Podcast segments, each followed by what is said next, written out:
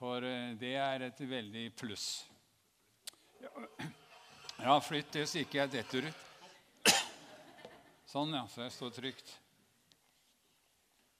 Ja. ja, det var litt av et emne jeg fikk. Jeg skjønner ikke, jeg forstår at det ikke er så mye folk. Høre hva en gammel pastor sier om både det ene og andre. Hvordan forholder jeg meg til forvaltning av penger og ressurser? Det er et flott emne. Jeg tror damene hadde det lettere for å ta det, tror jeg. For de har kanskje mest oversikt over økonomien i et hjem. Jeg vet ikke hvordan det er hos deg. Jeg var nesten aldri hjemme, så hvis ikke hun hadde tatt det, så hadde det vært kaos. Det hadde vært strøkent. Men eh, jeg, jeg, skal, jeg, skal, tale om det, men jeg må, må sno meg litt ut av det òg, da. For det blir jo veldig svært. Men Misjonskirken i Norge har et slagord. Det består av ord. Det heter slik Rotfestet, relevant og raus. Og jeg skal tale om det siste ordet raus. Det står ikke i den nye bibeloversettelsen vår. Det, du må tilbake til 70-tallet, tror jeg. Der står det raus. Og I den gamle oversettelsen brukes det, og der sier 'alle er venner med den som er raus'. Amen. Ja. Gjerrigknarken får ikke mange venner. Er du supergnir, så kjører du solo stort sett gjennom livet. Det er den rause som er interessant. Det er jo det. Og eh, det, det, det er noe jeg skal tale om her. Hvordan skal vi være rause? For rause det går på hvordan vi er, hvordan vi snakker, hvordan vi handler. ikke sant? Det, det, det merkes på stemmen, det merkes på skikk. Hvis, ikke, hvis, du er der, da er du ikke raus. Hvis du er sånn, da ser du etter muligheter å være raus. Og eh, det, det, er jo noe av det som er det fargerike. Og eh, Gud har jo vært veldig raus mot oss. Han har vært enorm raus med Norge.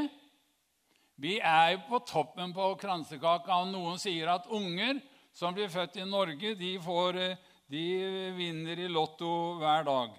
Og det er riktig.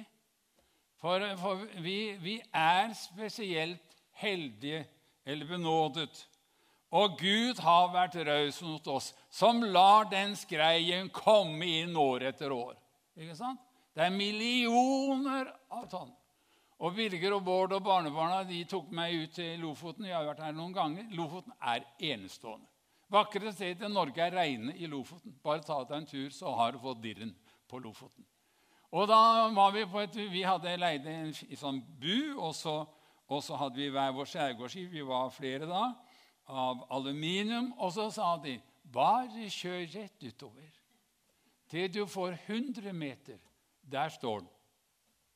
Og vi kjørte med ekkoloddet 900 meter. Der var den. Jeg tror jeg så, vi så rogn og, og, alt det der. Og så kom torsken. Og vi, vi måtte fiske med stang, da, så det skulle være litt ikke sant, fiske. Så vi dro på fiskestang alt mellom 5 og 11 kilo. Så mye som vi bare orka. Men vi ble jo slitne. Så Gud har vært raus. Og så kom oljen nå, da. Noen vil avslutte den med en gang. Det er kanskje best å vente litt, da. Men Gud har vært raus mot oss. Det var ingen som ba 'kom med skrei', Gud. Ikke én. Og eh, ingen med oljegjelde. Men den kom. Gud har vært raus mot oss. Og eh, det at eh, vi har fått det sånn, det, det, er jo forpliktende, for det har ikke alltid vært sånn. Jeg var jo født i 38, og jeg har huska krigen, soldaten og Begynte på folkeskolen i, i, i katolske kirken i Stavanger osv. Før vi kom i klasserom for tyskerne jo det. Og eh, Max Manus og alt det her. Vi leste bøkene som guttunger og sykla ned på brygga når de dro den sønderbomba eller ødelagte Donauen til brygga. Som, og, eh, som nordmenn sendte 500-600 jøder rett i døden. Skam over Norge. Og da var det inn. Og så, når jeg var gutt, så henter det noe. Jeg visste jo at Einar Gerhardsen var, var statsminister. Og eh, han eh, klarte å ta avstand fra kommunismen. Det var farlig. Hadde det kommet til, hadde det vært forferdelighet. må jeg si. Men da hadde han vært i Moskva, og så hadde han fått frigjort en partisaner, en nordmann. Så han var nok kommunist, men han sloss mot tyskerne noe voldsomt. Og så tok SS-en og satte han i fengsel. Så klarte han å rømme fra fengselet og kom til Russland. Og da han kom til Sovjet, så, så bura de innenfor 15 år i fangeleir. Og han heter Harjo. Jeg har visst om det. Og så hadde Gerhardsen vært i, i eh, Moskva og fått den fri. Og jeg husker det var, Da var det folketog bort ved Torgata. Det var 100 meter fra der vi bodde. i Bertankers. Så jeg så og så det toget. Og der kom Harjo. Gode min, for en tynn mann! Du så jo på ham hva han hadde vært igjennom. Forferdelig. Og han skrev en bok som heter 'Moskva kjenner ingen tårer'. Så hadde ikke han fått den fri, så hadde han dødd i disse gulagene som mange andre. Men eh, jeg var på folkemøte og så. Det er noen som betalte en pris om at vi har det så godt, og det må vi aldri glemme. Og, og da vil Gud at vi skal være rause. Det er et veldig velsignende ord i Jordspråksboken. Det er sånn her. Den som sprer velsignelse, trives godt. Den som kvikker opp andre, blir oppkvikket selv. Så hvis du ikke syns livet er så veldig, begynn å velsigne. For hvis du velsigner, så trives du godt. Det står her, og det tror jeg. Jesus var en velsignelse, og han var en harmonisk mann. Ikke spar på ditt gode smil og din vennlige røst, selv om det sier noe annet inni. Velsign. Og så står det en som kvikker opp andre. Det er så mange vi må kvikke opp folk. Ikke vær redd for å ringe. Hvis du får om jeg å ringe han. Hvis jeg får det, så ringer jeg med en gang. For det er et eller annet. Så vi må være proffe på å kvikke opp folk. Og hvis vi ser noen som er nedbøyd, så kvikk deg opp. Vær vennlig. Og, eh, og, da vil du trives godt. De som trives i Skien, det er de som tenker på andre enn seg sjøl. Og Derfor må Misjonskirken være raus. Og her må vi være rause ikke sant? Det, det er jo der det er. Eh, Misjonskirken ble stiftet i 1894. Og vi har vært rause i Misjonskirken. Den første kvinnelige pastor og Misjonskirken ble velsignet i 1915. Statsverket er jo mye tregere. Den kom i 1961. For vi er mindre og mer bevegelige. Og når vi hadde de første bibelkursene her, så var det masse kvinner som kom. Og du verden hvilke kvinner vi fikk. Annis Gau og, og, og, og, mange andre kom. Og hvilket drag det var på de. Og de var jo rause, vet du. Og når f.eks. Annie Skau begynte å preke sånn, sånn 'Mine elskede nådesøsken'. Hva? Du, du, du, kjente det trygt, godt. Ikke 'nå må du ta deg sammen'. 'Mine elskede nådesøsken'. Og jeg ble jo flasket opp med de der, og jeg, det var raust. Og, eh, og, eh, vi har noen rausheter i misjonshingsten. Jeg syns er veldig ene her, og særlig før, da.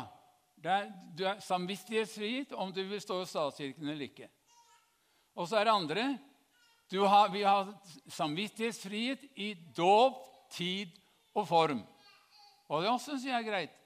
Og så har vi raushet og frihet når det gjelder syn på nadværen. Så her dikterer vi ingen. Du må bruke hjertet ditt og hodet ditt selv for å finne hvilken du vil velge, og hva du vil tro. Og det syns jeg er raust. Vi stoler på folk, vi stoler på Bibelen, vi stoler på at Den hellige ånd skal hjelpe oss sånn at vi lever i fred med hverandre. Og Der vet Guds barns enhet, ikke Guds barns krangling, for det har det vært. Ikke sant? Men vi er en åpen favn og det passer meg veldig bra. Det er litt av å være raus. Og så står det jo forvaltning, og det som er interessant, at alt det vi eier, det eier vi jo ikke. Du eier ingenting, du. Ja, han sier, ja, men jeg er rik. Ja, ja, ja, men det skal være sånn. Så har du ikke flisa, så er du borte. Så har du ingenting. Og det er jeg klar over. Men derfor er det viktig at forvalter det vi har. Ikke bare til meg, Meisen. Jeg, jeg, det, det, er jo så mange bra tekster i, i Bibelen om det der å, å være sjenerøs. Men jeg leste en historie. Det var en godseier i England. Det er noen år tilbake, men ikke veldig, veldig lenge. Men han eide hele dalen. Og alle plassene var han som eide, men de fikk leie å, og jobbe som bønder. Og en, en, en, dag, en morgen så sto han og så utover det her. Ja, jeg er den rikeste, det er klart. Og det var jo klart, det visste alle. Så han beundret og var lykkelig og glad. og gikk seg og satte frokost, og det var litt av en frokost. det er sikkert. Og eh, mens han satt og spiste frokost, så banket tjeneren på døra og sa 'Unnskyld, godseier, jeg vil snakke med deg.' 'Hvem er det?' 'Det er John.' 'Å, John.' Han som stelte alle traverhestene hans. Han var jo rovproff på hester. La han komme inn. Han bruker aldri å forstyrre meg. Og Han kom inn, og, og John han kalte seg for Godly John, for han var leder for folka i bedehuset der. Og Godly kom inn og var nervøs. Han sto og snudde sixpensen sin og, og, sa unnskyld. Men eh, ja, ja, men hva har du på hjertet siden du kommer til meg nå, midt i min frokost? Jo, jeg har drømt i natt, godseier. Jeg har drømt så knallklart og tydelig at i natt klokka tolv kommer den rikeste mannen her i dette bygda her og dø. Og du er jo den rikeste. Det er avgjort. Unnskyld, men jeg fikk det så kraftig. Må bare si det. Og gå til John Lee og gikk, og, og han tenkte han godseren, at det er snedig òg. Han bruker ikke være så Godly. er er tøffing, han, med hester og alt. Ja, ja. Han ble fort ferdig med frokosten og sa jeg stikker en tur til byen. Og det han gjorde Han tok den lille toseteren sin MG-en og kjørte inn til byen og til legen. Til kommunelegen. Og han kjente jo, De kjente jo hverandre, hadde vært sammen og sånn, som kjendiser i, i bygda. Og så sa han, du, 'Nå vil jeg at du sjekker kroppen min virkelig.' Jeg har fått en sånn litt uro over meg. Kan du si meg litt om hvordan er min situasjon? Og jeg vil gjerne, jeg, Hvor lenge tror du har, jeg har igjen å leve? Og, og Distriktslegen var godseieren, så han tok det meget alvorlig. og sjekket og holdt på en god stund og sa han, nei, du er, du er fit for fight. Du er spreking, du. Leve? Ja, 30 år iallfall. Det har du. Ja, ja var, Men han var jo likevel sånn. Hør her. Nå er det lenge siden du har vært hos meg. Kan du ikke komme til meg ved åtte-ni til alt er over? skal vi spise en riktig herlig middag med flott drikke. Og så er vi sammen denne kvelden. Og legen kunne ikke si ja. Kunne ikke det. Så han kom litt før ni og ble tatt imot av tjeneren. og Det var et fantastisk middagsbord. og De satt der og spiste og de drakk litt og, og hadde det så hyggelig. og Når klokka var litt over elleve, så, så sier ja, nå må jeg komme. Nei, nei, kul ned. Vi setter oss i hver vår stol her, og så sitter vi og ser når månen lyser over dalen. Og godsherren tenkte, gode Gud, tenk om Gottlieb John har rett. Han kjente at hjertet begynte å banke ekstra. Men jeg skulle jo leve lenge, og der satt han og, og kjente. Og når klokka var fem på tolv, så var han helt nerv. Men så klokka, klokka tolv, så de kom de tolv tunge slagene. Og så Åh, Det var bare tull, det òg. Så han fulgte legen ut og sa, 'Takk for det strålende at du kom, og vel hjem.' Og han, eh, gikk han jogga opp trappa til annen etasje, godseren. Han var så lykkelig og så sprek. Men ikke før han gjort det, så banker det på hoveddøra. Og åpner døra, og inn kommer det gutten, en gutt på 10-12 år, gråtende. Og han må, ja, hva er det? Og så kjenner han til eldstegutten til Godly John. Ja, hva er det for noe? Jeg kommer fra mamma, for pappa døde akkurat klokka tolv. Når slaga slo tolv, så døde pappa. Og så skjønte Godstein, så jeg gikk med ned til hjemmet. da. Og da trøstet mammaen og, og, familien. Og når han gikk hjem igjen, så tenkte han hvilken tokt, hvilken tosk jeg er. Jeg tror jeg var den rikeste mannen i bygda. Det var jo ikke meg. Det var Godly John. Og det er noe der. Gud ser annerledes på rikdom enn vi. Og Derfor så gjelder det å forvalte det og bruke det. Og eh, være raust, det er å gi uten å vente å få noe tilbake. Være raus, ha tid til andre. Være raus, våge å feile. Og, og våge å tilgi andre og tilsi seg selv, så du blir ferdig med det. Det er raust. Driver og ga på gamle synder, så god bedring, det er slitsomt. Vær raus og legg det i nådens hav, bli ferdig med det. Og er vi rause, så er vi åpne for nye mennesker. Og du vet, en raus kirke Du vet jo hvordan det blir. Da er folk velkomne. Og eh, det var et, ungt, et, voksen far fra Bergen som var her for et, år siden snart. Og De sa til oss de kom på tirsdag, eh, og det er en fordel, for der får du sitte ikke bare se folk i nakken, men over bordet.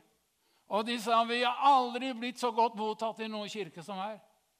Det er så mange som er hit for oss, og så vennlig. Det var rett før vi flytta hit. Det er strålende. Men du vet, vi, vi må være åpne mot andre. Og Det er en risk liksom, når du er godt inngrodd i en kjerke når du går innpå der og drikker kaffe, så er det den samme gjengen. Og det er jo fint, men det er krise. For uh, hva med de nye? Hva med de som vi skal Ikke sant? Det er raust. Og jeg har møtt mye raushet og åpenhet. Helt fra jeg var guttunge Jeg var jo tenåring i Misjonskirken i Betlehem, og der var det rause. Jeg klarte jo det. Jeg var, jeg var, ung og vill den gangen, og jeg bare er villere enn aldri. Hadde evangelist sånn ung, vill og kjær talt om ja, bare et ung og ung er ennå, sånn. Og vill var jeg før, og vill er jeg ennå. Og kjær var jeg før, og mer kjær enn noen gang. Men eh, da knuste jeg ruta, inngangsdøra, nedi. Men de var rause. Og eh, da han der juniorlederen senere kom 'Hyggelig å se deg.' Det var ikke sånn, det var ikke sånn, sånn lankegreie. Sånn. sånn. Ja. Hvorfor var det ikke forrige fredag? Også, også den rausheten gjorde at det, det eksploderte. vet du. Vi har over 100 ungdommer. Og så begynte vi Dixie-band, for det var helt nytt. Trombone, trompet, piano og gitar, og jeg spilte kontrabass, og det var ordentlig så det svinga. Men vi hadde jo nødbremsen, så når formannen kom, så gikk vi rett over til Og så fort han ute Men ungdom likte det, og de, de skjønte det her må vi. Og der har jeg vært med på mye. Jeg husker en gang Kurt, Bare for å si åssen det kan være og Kurt og Ronny, Jeg vil ikke si hvilken kirke det var. Det var en misjonskirke. Den var så full når vi, Kurt Ronny begynte. Kurt Ronny de er jo suverene. ikke sant? De kan jo det. De er jo, Kurt er borte da. Bisatt i begravelsen. Det var knallhardt. Bassen sto der alene uten han. Men da spilte de, vet du, og det var så bra. Det var så, det som skjedde, når, vi, når de hadde sunget tre vers så kom to av dem, og det var mannlige. Jeg tror aldri kvinner hadde gjort det. To mannlige mennesker kom springende. 'Altfor høyt! Altfor høyt!' God jul og godt nyttår, sier jeg. Det er jo håpløst. Ja. Skjønner du? Hvor var rausheten? At ikke at det dannelse, nå sitter vi i ro. Vi snakker med brødrene etterpå. Nei, det var, det er ikke raust. Og jeg tror Kirken som er preget av det, det blir lett gårsdagens og når jeg begynte her i 1993, da, var, da sa jeg de viktigste for meg nå må jeg litt tilbake da, for meg det er de mellom to og 12 år. For de mellom to og 12 har aldri lært hvem Jesus er.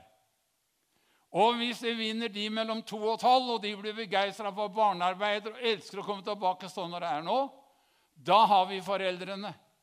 Og hvis vi har foreldre og ungene synger med barne, kommer besteforeldrene nå. Det stemmer. Og det er jeg så glad for at her har Kjerka satsa på de unge. Og kommet på en fredag kveld. vet du ikke sant? Det er så raust. Det er så bra. Jeg må si det. Det er strøkent. Og takk at det er ingen som griner på nesa lenger. Sånn det kunne være litt i gamle dager når det ble litt for friskt. Det er jo, Jeg forstår det. For vi skal ikke være så rause at vi mister alt. Vi skal være rause med penger og liv og alt. ikke sant? Men det, det, er jo en forvaltning. Du må ta vare på deg selv og vare på ditt eget liv. Men vi må ønske noe mer. Og du vet at hvis vi er rause da, så er det klart at det da får menigheten sitt. Ikke sant? Det er helt logisk, det. Altså, Det eneste du får med deg, det er det du gir. Ikke sant? Du kan ingenting få med deg når du dør, synger Anne Bresvik. Og det er sant, det når det gjelder penger. legge penger i kista. Det er bortkasta. Men eh, du kan få mye med deg om, om du tenker videre perspektiver. Og eh, det Det så jo det Lukas' evangelium. Se hvordan du bruker pengene dine, så du kan vinne deg mange venner som tar imot deg når du kommer til himmelen. Det er interessant. Det står det. Vinn deg venner med den urettferdige mammon, så du har mange venner som tar imot deg i himmelen. Og jeg har vært sammen med folk som jeg vet det kommer til å stå en kø for å ta imot når de kommer hjem. Det er logisk. Tenk på alle de, på alle de som har Borger Frogner, en av våre eh, eh, eh kongomisjonærer. Hun var, hun hun var helt, helt strøken når det gjaldt å tjene andre. Og jeg husker Hun fortalte hun hadde vært ute tre-fire-fem ganger omganger. Og så var det, De hadde bruk for henne en gang til bare for å ta typen. Og så går hun Skal jeg gå? Skal jeg gå, eller skal jeg bli? Så sto hun i Storgata. Der var Henrik Ibsensgate kommer nedover, og så er det lys. Og så sto han for rødt lys og tenkte skal jeg gå. En gang da er jeg gammel. Ikke sant? Og så ble det grønt lys, og dama bare sto. Så var det en ungdom som stakk hodet bort. 'Nå må du få fart på beina og gå, for nå er det grønt.' Vet du, Han gjorde, reiste rett opp til kontoret på Misjonskirken og sa 'Jeg reiser til Kongo'. Og det vet jeg, jeg tenker på, Hun har vært der så mange år. Så mange venner! Det blir et fargerikt fellesskap. Og jeg tenker på alle de, alle de som har støttet Annie Skau. Og, og jeg, så, jeg er ikke barnslig, men jeg er så realist. Jeg tror Gud har orden på alt. Så når fru Hansen, som bor i, langt oppe i Trysil, har gitt på misjonsbøssa til ikke sant? Og tenk på når hun kommer hjem. Ja, du har støtta Hadde det ikke vært for deg, så hadde hun aldri vært i Kongo. Og hadde ikke hun vært i Kongo, så hadde aldri jeg hørt om Jesus. Så nå skal vi ha en kjempefest sammen med deg, og så må du fortelle om livet ditt. Og da har vi god tid i himmelen. Her har vi bare tid, og jeg er veldig kort i telefonen i himmelen. Jeg gleder meg til å gå rundt og Er det deg? Nå, vi, nå har vi god tid, nå vi hele evigheten foran oss, så nå må du sette i gang og fortelle. Ikke sant? Det er jo sånn det blir. Så det, det er veldig perspektiv over det å gi. Og eh, i andre Korinter det, det, står flere steder om å gi. Vi, når Solveig var i Calvary Chapel i USA, Jesus Folkets menighet, pastor Chuck Smith Der skulle alle ha vært, altså, men alle kunne ikke det. Men vi var der et halvt år og var omgangsvenn med Chuck Smith, og det var utrolig. Og der, der, der så, hadde, hadde, hadde, han, broderen der, vært i Calvary Chapel og holdt den talen, så hadde han blitt skutt. Ikke direkte, da. Men det var forbudt å tigge om penger. De sa aldri noe. Men det de gjorde når De gikk gjennom hele Bibelen. Og når det kom i Bibelen om penger, så talte de om penger. Skjønner du? Where God guide, he provides. Hvor Gud leder oss, skal han sørge for oss. Så hvis bare vi som troende lever i Skriften og ser hva det er, så gir vi det vi skal gi, og ferdig med det. Jeg husker De skulle ha en stor møtekampanje hvor de skulle ha det var ikke den største, men en, en scene til 15 000. Og en, berømt, en av deres egne pastorer som var blitt frelst, veldig til å preke. Da sa Chuck ut, vi ber ikke om penger. Våre ufrelste venner skal ikke behøve betale for å gå på møter. Og Jeg hørte etterpå i en kristen avis det kosta over 150 000 dollar. Men de snakket et ord om penger, for de visste noe i. Og det der, det er Og hvorfor, hva hadde de lært? Jo, de hadde lært det der som det står i 2. Korinter 9,8. Det, det har du hørt mange ganger. Og det her mener jeg. Det sier jeg, den som spår sparsomt, skal høste sparsomt. Ja, Er vi ikke på penger nå? Ok. Da blir det svarsomt. Den som sår rikelig, skal høste med rik velsignelse. Så det er, det er tema for Gud. Vær raus, jeg er raus igjen. Enhver skal, skal gi som han har bestemt seg til, ikke med ulyst eller av tvang, for Gud elsker en glad giver. Ja. Så jeg tror, Derfor står det ingenting om tiende i, det, Nye testamentet, egentlig. Det står litt i et evangelium, men, men eh, det står Paulus lærte ikke du må gi tiende for å være ordentlig. Det står ikke. Du finner ikke. Eh, jeg vet det, det, For å si det vi praktiserer tiende. Ikke fordi vi må, men det, det står at Gud vil velsigne de ekstra. Det og det er ingen prestasjon. Må, da må vi ha litt regnskap hva du gir og tar. Men, men, det som er hovedsaken, det er ikke av ulyst eller tvang. Jeg tror Gud var noen gang litt ergerlig på jødene at de var gjerre mye tiende. Det vet jeg ikke. Men altså, nå ikke av ulyst og tvang, for Gud elsker en glad giver. Og når det står 'glad', så kan det stå like 'ellevill'. For det ordet 'glad' på gresk Jeg har studert det for det her. Og det betyr en ekstra glad giver. Og, og uh, Solveig hun er den beste jeg kunne finne. Strøken på meg. Men, men hvis, hvis, det er billig hvis, hun, hvis jeg visste at hun hadde sett en veldig fin ring og ønsket å få den Og jeg hadde sagt ja, ja, du kan vel vente litt. Må du nødt til å ha den, da? Den er jo dyr. Uff, ringen. Pengene på det. Nei. Men til slutt så kjøper jeg ringen, og så vær så god, her er du fornøyd, da? Vet du hva han har sagt? Ta ringen og gi den tilbake. Hvis ikke du kan gi dem med glede og kjærlighet, vil jeg ikke ha den. Og sånn tror jeg Gud reagerer òg. Gud elsker en glad giver. Og Hvis ikke du kan gi med glede, så kan andre gi isteden. Så vil det jevne seg ut. Men du sparer jo velsignelsen. Du sparer jo gleden. Og, og, og det, det, er det jeg sier. At å være sjenerøs, være raus, det er noe der. Og når det gjelder denne menighetens framtid, så beror det på raushet. Altså, Hvis det ryktes at vi er, vi er, folk er vennlige her altså. Her er det greie. Det er ikke helt sånn smalskola de heier, de heier til og med på det. Takk og lov. Ikke sant? Før så var var jo så mye gærent. Og det var det. Og det var da jeg vokste opp, og det var ganske mye sånn Det var en stor syndekatalog. Ja. Men nå har vi takk og lov kaptein Bård er medlem i kirka vår.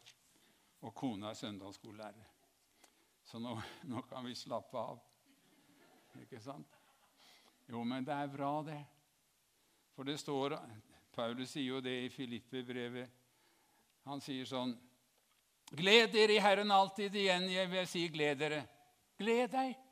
Jeg hørte, Det var, det var en menighet i Vest-Agder, en sann historie. Og det var en pastor som var veldig alvorlig. Og det er veldig alvorlig.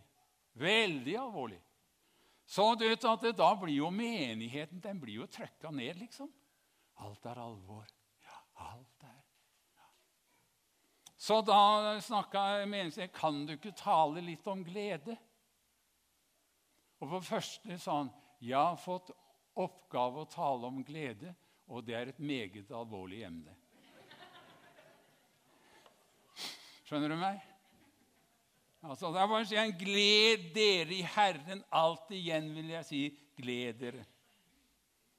Ja, Nå er det fristende å snakke om alle de jeg har møtt som er glad i Herren. Det går ikke, det for lang tid. La alle mennesker få merke at dere er vennlige, rause. Og står det 'Herren er nær'. Du kan ikke gå og være sur og ikke raus hvis Herren er ved siden av deg. Jeg kan ikke det, jeg heller. Altså, da, ja, Skjønner du? Og det er klart, det er velsigna.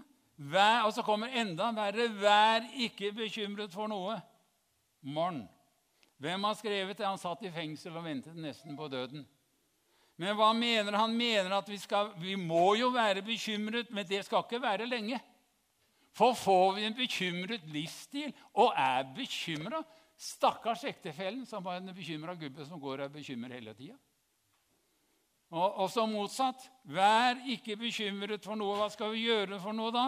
Men la alt som ligger dere på hjertet, komme fram for Gud med bønn og påkallelse og takk. Så når vi har det bekymra og begynner å be for alt som er ille, så glem ikke å takke. For når du takker, så husker du på hva Gud var god med deg. Ja. Jeg, nå må jeg faste meg. Hvor mye er det jeg holder på? Ja. Det er eh, kanskje siste gang jeg preker. Det kan være. Ja. Kan ikke holde på når du blir 90, vet du. Men og takk. Altså, Svigermor svigerfar Svigerfar han var strøken. Harry. Altså, Før han gikk på gudstjeneste her, så satt han hjemme ca. en halvtime med en åpen bibel for seg sjøl og leste i Bibelen og ba. Så han var gira før han kom. Skjønner du? Han, han, var omtrent som landslagsspilleren i går. Når de gikk ut på banen, så var de gira. Det var han. Men de bygde hytte i Rauland. Det ble et ønskested for oss. Det resulterte jo at de, de har flere som hytter der oppe nå. da, på grunn av det. Den hadde de mange med. Til slutt var vi 40-50 brukere, så vi måtte jo selge den. Men når første gangen det har jeg takka Gud for mange ganger, så hadde jeg med meg en som Torvald Øyte fra Kongsberg. Han var forretten, men han var innmari sprek. Han hadde begynt som tømmerhogger da han var 13-14 år. Det var det der oppe de levde av da. Og han var sterk. Veldig sterk. Og så, så når vi kom på hytta, så sa jeg du, hvis du tar hånd om ved nå, så henter jeg vann. Vi hadde fått beskjed at vann var et par hundre meter, litt, ned, litt i skråene over slettet. Og Der var det et kjerr, og der hang det et rødt tau. Der var vann. Så nå tar du ordner veden. Du er proff på det. Hogger den opp på deleren. Og så går vi og henter vann. Og jeg tok bøttene. Skulle jeg kjøpe Jeg blir med deg, sånn. Nei, han er sta, altså. Nei, nå kan du ta ved. Nå må jeg gjøre det her i ro og fred. Så jeg tar bøtta og henter vann. Jeg blir med, sa han. Nei, sa jeg. Du blir. Jeg blir med. Du blir ikke med. Jeg må kunne gjøre noe uten at du er Jeg blir med. Han er så sta. Så han gikk med meg, da. Og Så, kom, så glei vi over og kom ned der. Og der var det kjerre. Og så så jeg det var et hull i snøen. Så jeg bandt eh, bøtta til staven, tok av meg skia. Tabbe nummer én. Og så bøyde jeg meg ned, for det var vel halvannen meter ned til vannet. Så jeg bøyde meg ned, gikk på huet ned i hølet. Og der hang jeg sånn, med staven sånn ned i vannet. Og det var 40 cm fra nesa mi. Og hvis jeg hadde gått alene det, det var jo to meter snø nesten opp. Ingen hadde hørt meg. Det var så stordin. og hadde, hvor lenge hadde jeg orka å henge? Sånn kanskje et et par minutter så hadde alt blod rent i huet. Plopp ned. Så hadde ikke evangelisten kommet tilbake til Stavanger drukna der oppe. Torvald, ropte jeg. Ligg stille, sa han. Angrer etter, for han hadde sagt 'ligg stille', så jeg kan gå og hente kamera og ta bilde. Men det gjorde han ikke. Han tok tak i beina mine, og han sa som Ikke sant? Og, og det, det takker jeg Gud for.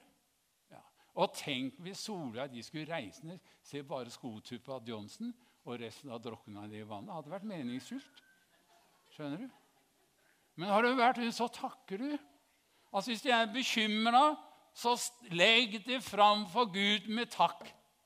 Og så begynner jeg å takke da, for den gangen og den gangen og den gangen og det og det. Og tankelista blir så svær at jeg ikke bekymrer etter en stund. Og Hvis du er bekymra, så må du ikke gjøre sånn som sleggekasterne. Når jeg var ung og gikk på Bislett og så friidrett Audun Boysen og alle de gamle gutta Det er en som heter Sverre Strandli, som kasta slegge. Han, han kasta litt over 60 meter. Nå kaster han mulig. Men han var høyt oppe i, i, verden, på en måte. Og han kasta sleggene. Han ble jo aldri ferdig. Han gikk ut og henta slegga hver gang. Og sånn er vi med bekymring. Vi hiver det fra oss, og så Går vi ut tar igjen, og så vi på ryggen igjen. La det ligge! Ikke sant? La bekymringen ligge. Du blir ikke salig av å gå og bekymre deg. Og det skjer ikke så mye heller om du holder på. Nei, ikke sant? Hva leser vi? Gleder i Herren alltid. Igjen vil jeg si gleder. La alle mennesker merke dere er vennlige. Herren er nær.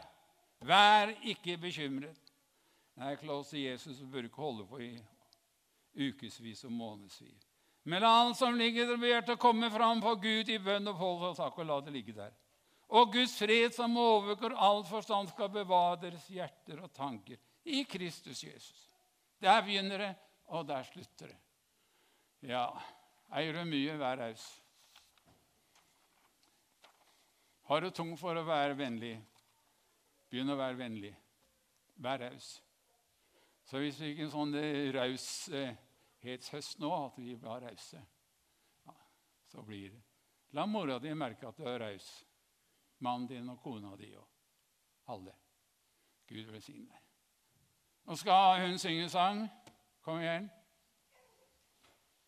Det er en sang jeg elsker. Er den, den sangen hvis, Jeg husker ikke hun som har skrevet den. Hvis du, hvis du, ser i sangboka og leser om henne, så har hun en historie av et trøblete liv som slår alle rekorder. Men hun skrev den sangen. Han som skrev melodien, var misjonær i India. Hadde fire sønner med seg. Så døde kona sånn. Så var han alene i India med fire stykker. Og så, og så, så hadde søsteren hans Han reiste hjem Han reiste hjem til Amerika med de fire gutta. Måtte redde det. Men eh, en, en, søster hadde blitt kjent med en norsk misjonær som heter Rakel Rachel. Så, så, hun skrev da til broren sin, som da var i Amerika med de gutta å, det er en misjonær til Rachel, Rakel. Hun er så ikke sant? Så han ble betatt av Rakel gjennom brev. Så han begynte å skrive med henne, og han skrev med henne. Og til slutt så hendte det at han fridde til henne per brev fra India til Amerika. Og han svarte ja. Og de bestemte at han skulle komme hjem da. Han kunne ikke være der med fire gutter det der. Så de, han var, og han ble så forelska. Avstandsforelska. i var helt gira.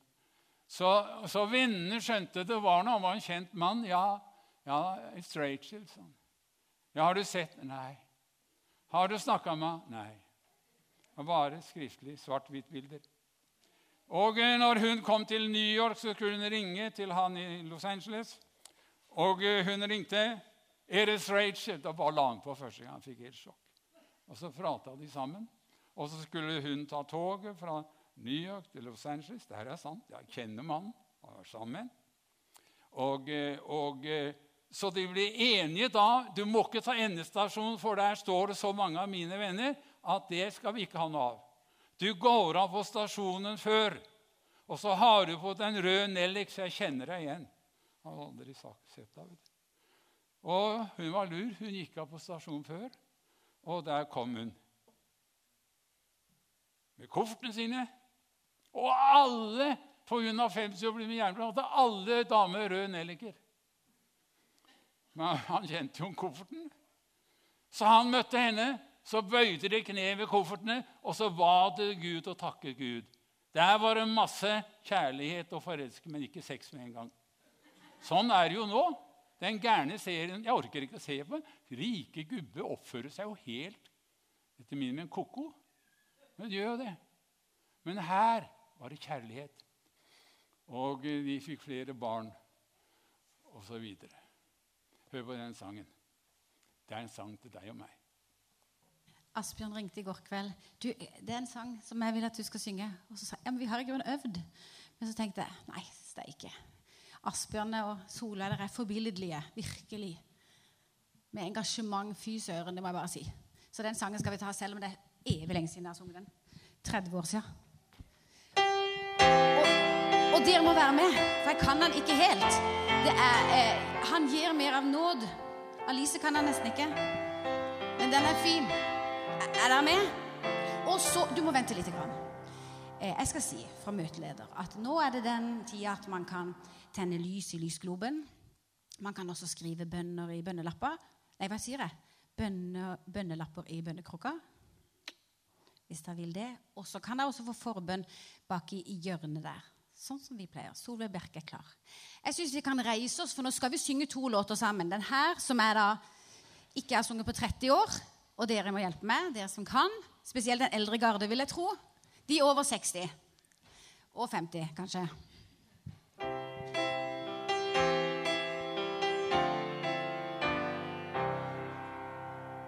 Han gir mer av nåd när min börda blir större.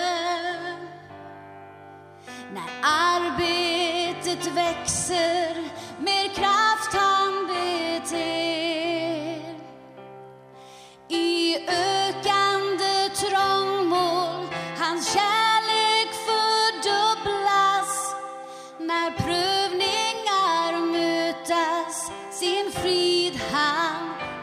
gir. Og hans kjærlighet er grenseløs, hans nåde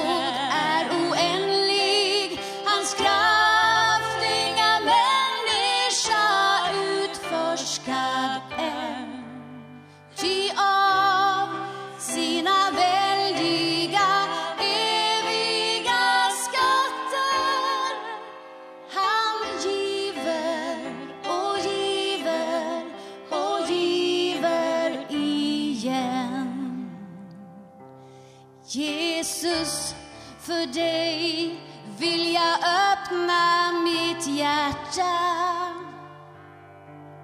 I tro ta emot av den skatten som du